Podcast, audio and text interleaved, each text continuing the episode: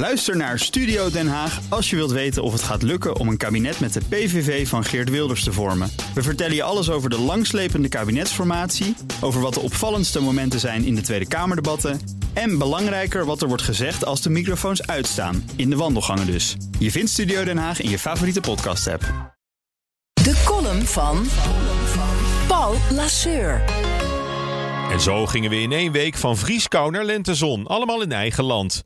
Na de ijspret van vorige week was dit weekend ineens alweer sprake van extreme voorjaarsdrukte.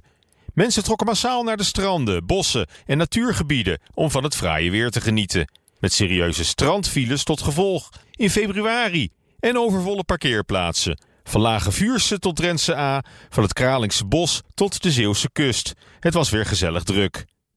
Want of het nu vriest of dooit, Nederland trekt erop uit.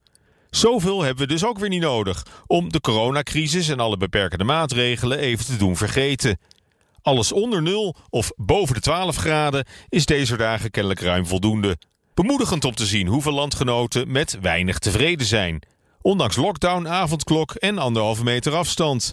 Door gewoon te genieten van de kleine dingen in het leven die gewoon doorgaan. Een dagje naar Zandvoort, de zon die doorbreekt, een vers kopje thee. Het leven is zo slecht nog niet en The best things in life are free. De coronacrisis biedt een unieke kans om economie en maatschappij grondig te resetten. Het openbare leven ligt toch praktisch stil, dus dit is het moment om te bouwen aan een ideale samenleving. Dus niet alleen repareren wat kapot ging door de lockdown om terug te keren naar hoe het was, maar goed nadenken over een wereld zoals we die straks willen aantreffen zodra we wakker worden uit deze nachtmerrie en waar we nu echt gelukkig van worden. Dat is meer dan een geldkwestie. Of, zoals heer Bommel zou zeggen, geld speelt geen rol. Bij een rente van 0% is geld gratis, dus er is meer dan genoeg. Zo blijkt wel uit de 8,5 miljard euro voor het onderwijs, die vorige week pardoes op tafel kwam. Klinkt geweldig hoor, zo'n gigantisch bedrag, maar het is waarschijnlijk meer dan de sector in twee jaar kan opmaken. Terwijl het maar de vraag is of de structurele problemen in het onderwijs, zoals het lerarentekort en kansenongelijkheid, zich met al dat extra geld laat oplossen. Had je dan niet beter een klein deel van die 8,5 miljard kunnen gebruiken om, ik zeg maar wat, ook de cultuursector te redden? Zonder goed plan heb je niets aan al dat geld. Dat zien we ook bij het Wopke Wiebes dat 20 miljard euro wil steken in de Nederlandse economie en innovatie.